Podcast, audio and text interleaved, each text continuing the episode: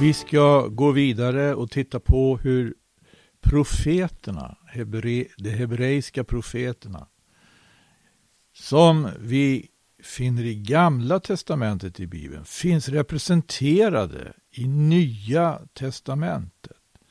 Och turen har nu kommit till Daniel. Jag vill bara påminna om att profeterna finns verkligen representerade. Vi vet att när Jesus gick med Emmausvandrarna, då sa han så här, när han förebrådde dem för deras otro. I Lukas evangeliets 24 kapitel läser vi i 27 versen att han började att gå igenom Mose och alla profeterna och uttydde för dem vad som i alla skrifterna var sagt om honom. Där instämmer aposteln Petrus innan han predikar i Apostlagärningarnas tredje kapitel om Jesus den korsfäste.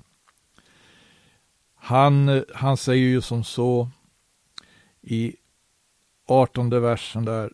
Men Gud har på detta sätt låtit det gå i fullbordan som han förut genom alla sina profeters mun, alla sina profeters mun hade förkunnat, nämligen att hans morde skulle lida.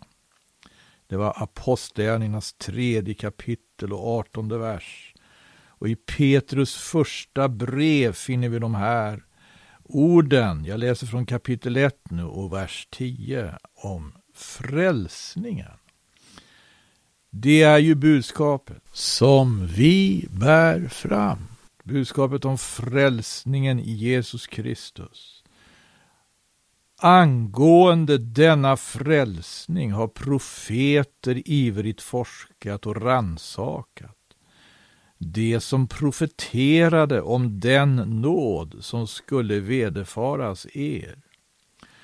De har ransakat för att finna vilken och hurudan tid det var som Kristi ande i dem hänvisade till när han förebådade de lidanden som skulle vederfaras Kristus och den härlighet som därefter skulle följa.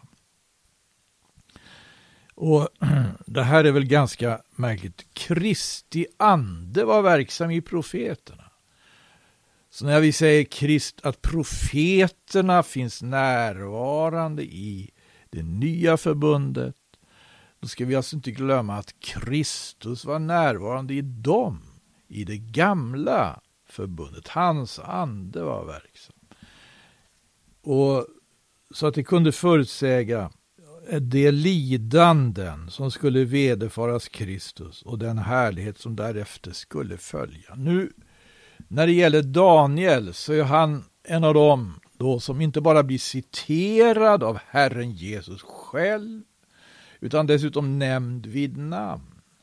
Jag vet inte om det är så många som både blir citerade och nämnda vid namn av Jesus själv bland skriftprofeterna. Jag tror att det inte är mer än två, eller är det fler?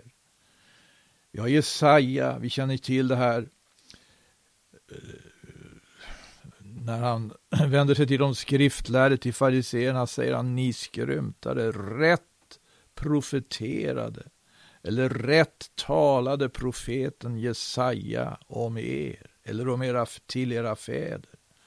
När han sa, detta folk ärar mig med sina läppar, men deras hjärtan är långt ifrån mig.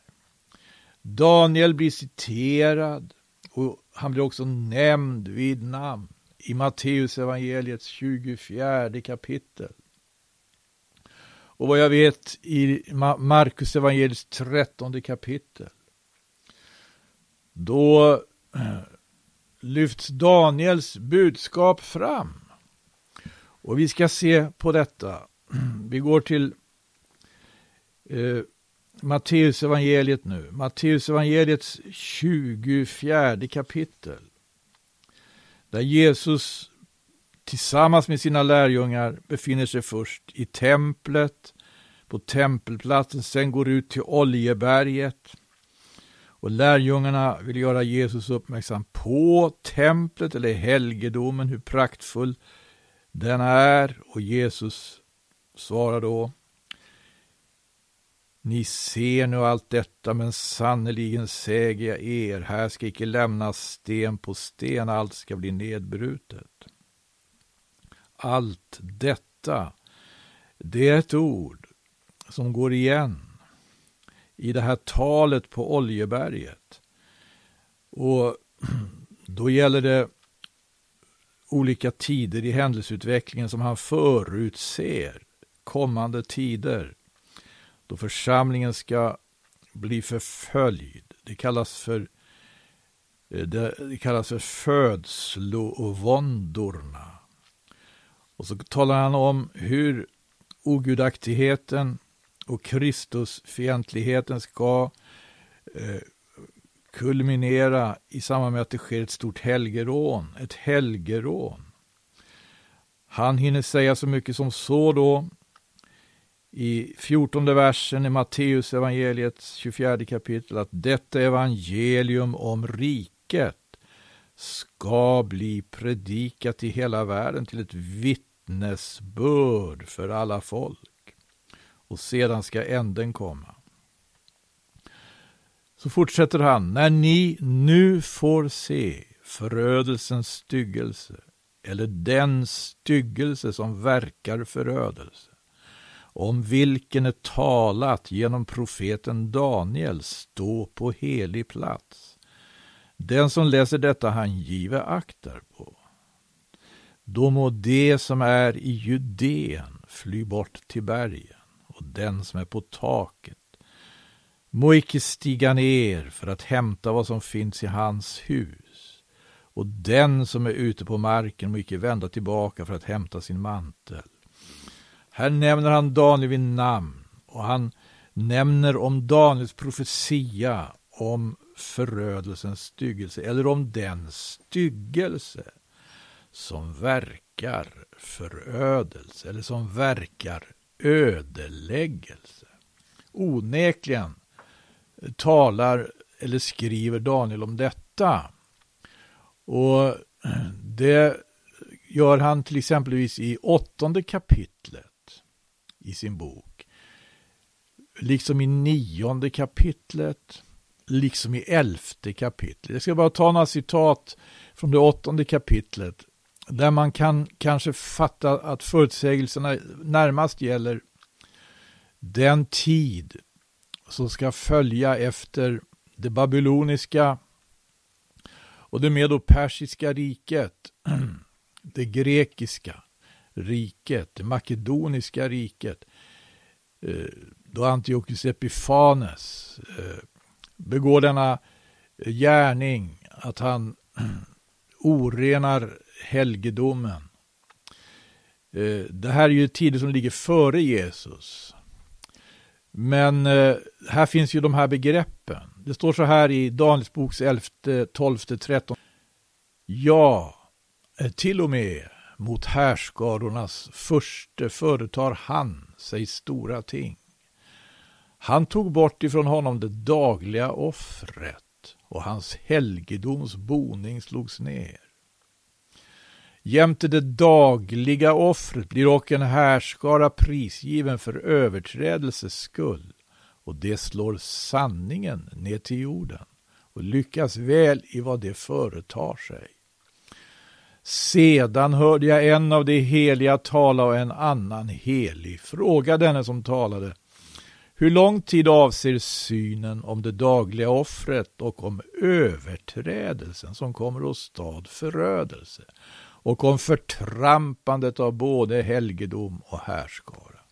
Alltså när Jesus är med sina lärjungar på Oljeberget och ser helgedom, då, då är det just det här temat.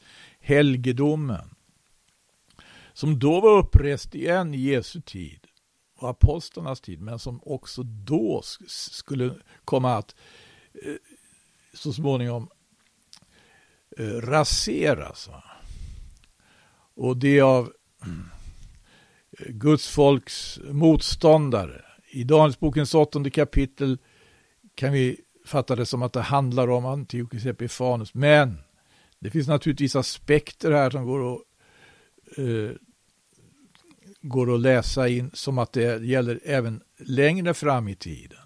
I Danielsbokens eh, nionde kapitel så finns ju den här förutsägelsen först och främst om att eh, Guds mode ska komma.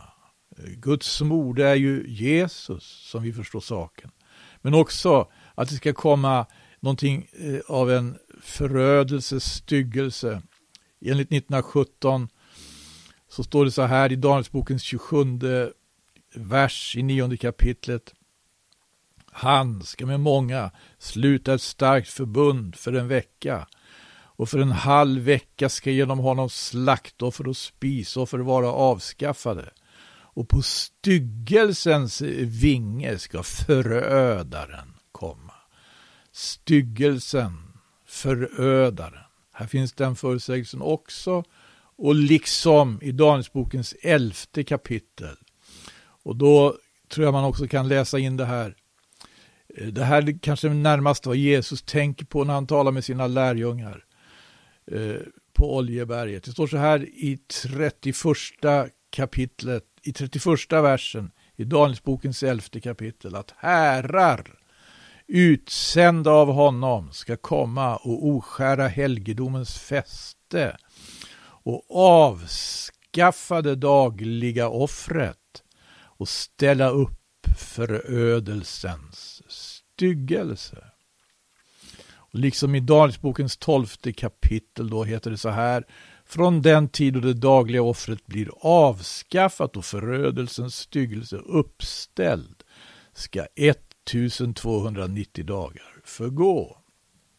Nu läste vi att Jesus var tillsammans med lärjungarna. Han påminner om Daniel. Han påminner om den här förutsägelsen. Jag ska säga, det är tydligt att han påminner om flera av Daniels förutsägelser i Matteusevangeliets 24 kapitel. För här kommer han också alltså in på det här som Daniel får se i sin syn. I, i det sjunde kapitlet står det i Daniels bok att eh, han, besk han beskriver en erfarenhet. Och det står så, jag kan läsa här. I den babyloniske konungen Belsassars första regeringsår hade Daniel en dröm och såg en syn på sitt läger. Sen tecknade han upp drömmen och meddelade huvudsumman av dess innehåll. Detta är Daniels berättelse. Jag hade en syn om natten och såg i den hur himmelens fyra vindar stormade fram mot det stora havet. Och fyra stora djur steg upp ur havet. Det ena icke likt det andra. Det första liknade ett lejon, men det hade vingar såsom en örn.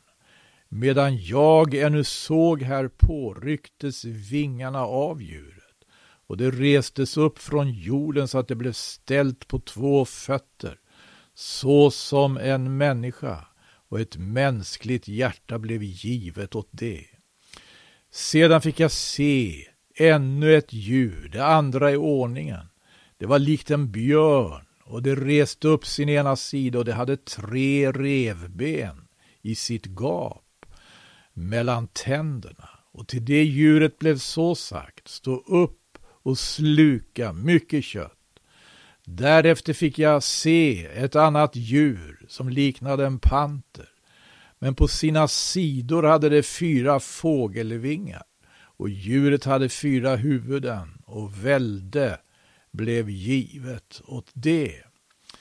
Därefter fick jag i min syn om natten se ett fjärde djur, över måttan förskräckligt, fruktansvärt och starkt. Det hade stora tänder av järn, det uppslukade och krossade, och vad som blev kvar trampade det under fötterna. Det var olikt alla de förra djuren och hade tio horn.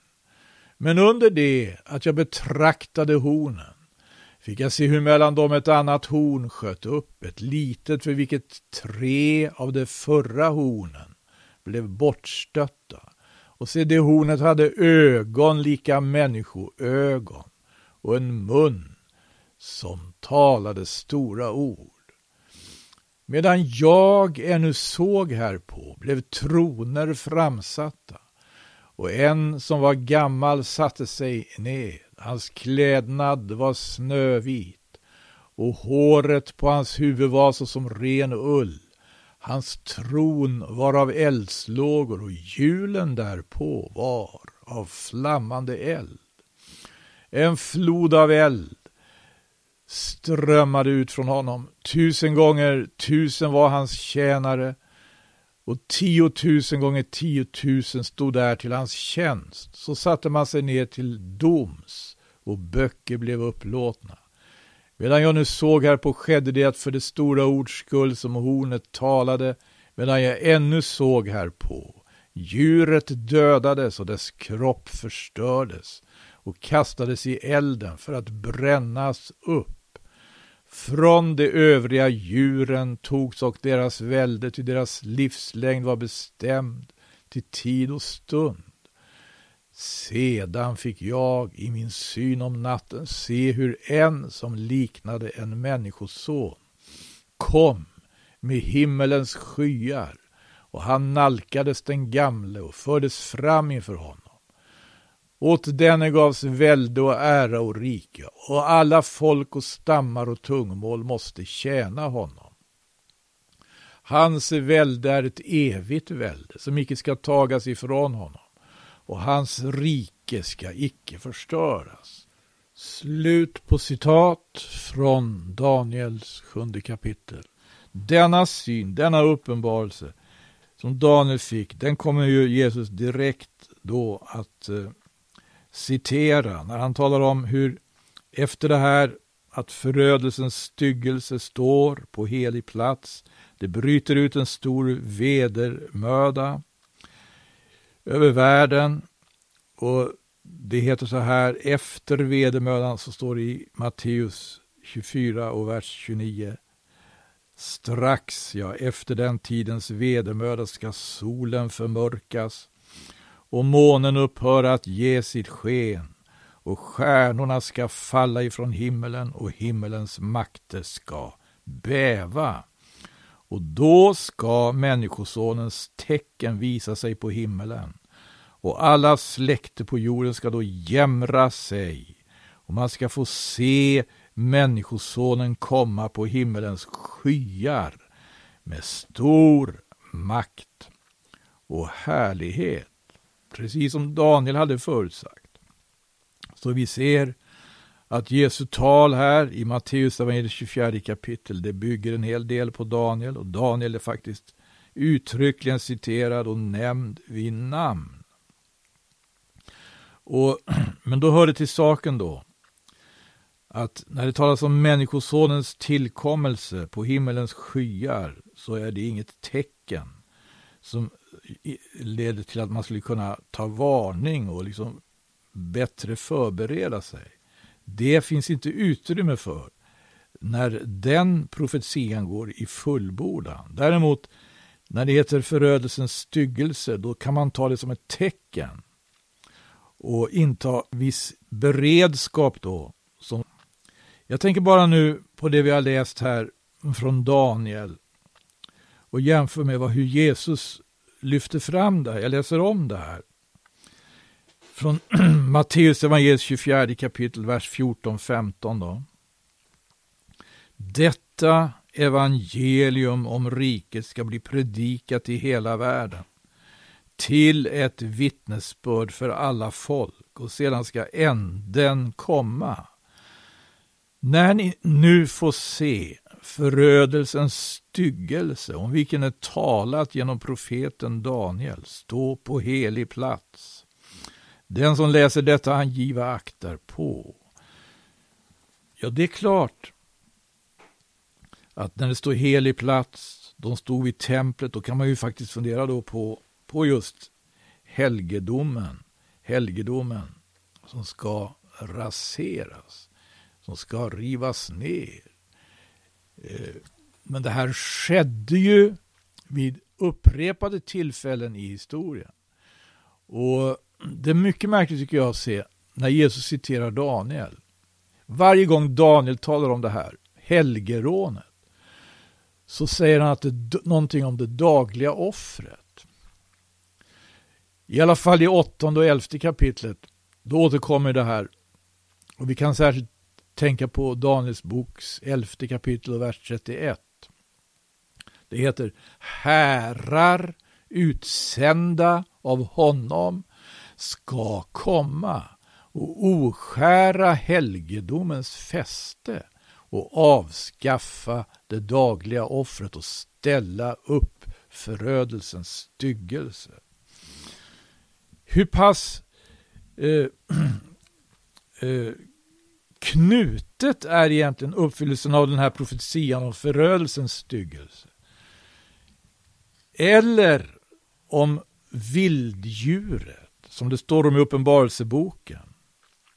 Eller om laglöshetens människa, fördärvets man, som det står om i Andra Thessalonikerbrevets andra kapitel. Hur pass knutet är hans framträdande med eh, den, om vi säger, traditionella judiska helg, helgedomen. Eh, det verkar inte vara nödvändigt att en sån helgedom står på plats. För att den profetian ska gå i fullbordan på det viset som Jesus utlägger den. Att lägga märke till, Jesus säger aldrig någonting om det dagliga offret. Det dagliga offret hör till den, så att säga, till det som Moses stadgat om som hör till alltså Eh, den mosaiska då, eller judiska helgedomen och Guds tjänsten där. Däremot vet vi det att i Hebreerbrevet så får vi tydligt och klart för oss att när det gäller offren så har detta med offer som stadgas om ganska så utförligt i tredje Mosebok, andra Mosebok Eh, till exempel, det har lagts eh, på Jesus. Det står i Hebreerbrevet om hur ett enda offer har framburits, som en gång för alla har förverkligat vad offren, alla offren i Gamla Testamentet talar om. Det står ju så i Hebreerbrevets eh, sjunde kapitel, jag läser från verserna 26 och 27 där. En sådan överste präst hövdes oss också att ha. En som vore helig, oskyldig, obesmittad, skild från syndare och upphöjd över himmelen. En som icke var dag behövde frambära offer så som de andra överste prästerna först för sina egna synder och sedan för folkets. Detta gjorde han nämligen en gång för alla, när han offrade sig själv. När Jesus inte talar om det dagliga offret så kan jag tänka mig att det har att göra med just detta. Han, han upphäver inte lagen eller profeterna, han fullbordar. Och till det här att han fullbordar hör då att Eh, som Johannes döparen säger om honom, se Guds lamm som tar bort världens synd. Behövs inga mer offer. Behövs inte. Däremot så kommer alltså den här profetian om förödelsens styggelse att gå i fullbordan på något sätt. Och på vilket sätt tror ni det är då? Det talas ju om att eh, även när det gäller helgedomen så undervisar aposteln Paulus eh, till exempelvis korintierna och gör väldigt klart för dem att det handlar inte om helgedomen nu i Jerusalem utan han skriver ni är ett tempel.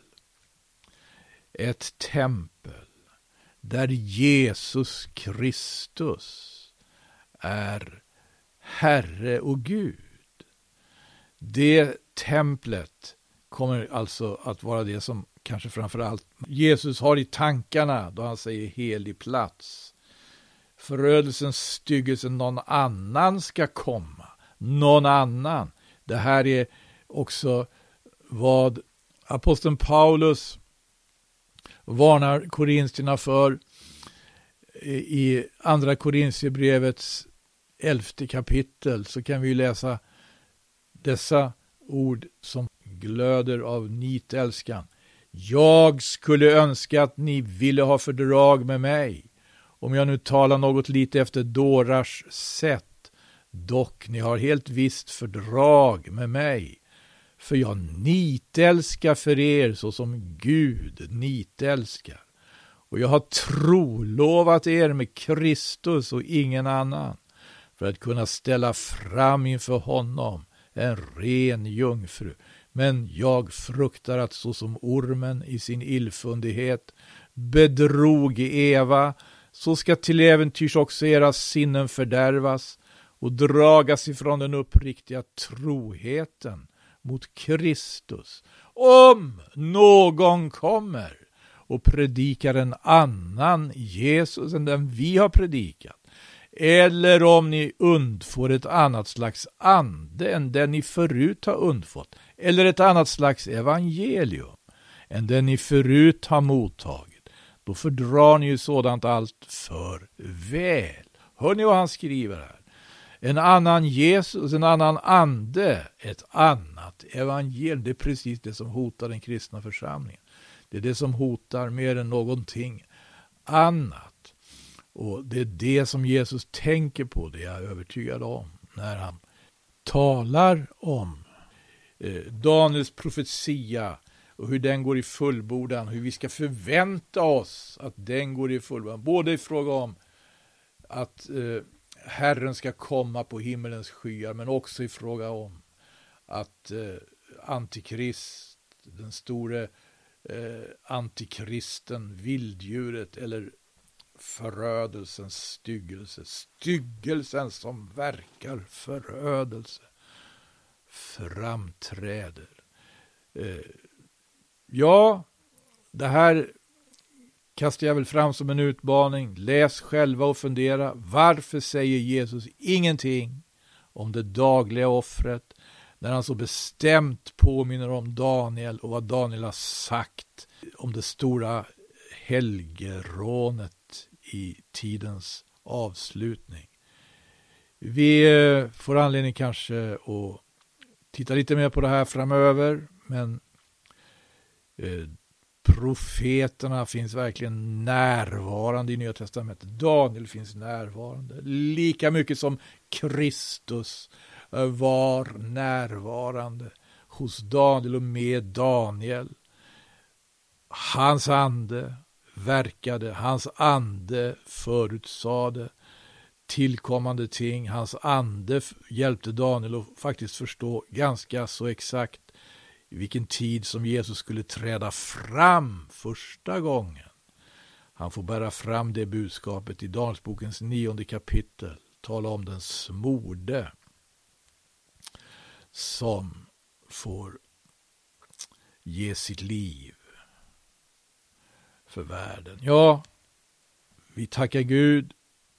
Tack ska ni ha. Vi återkommer.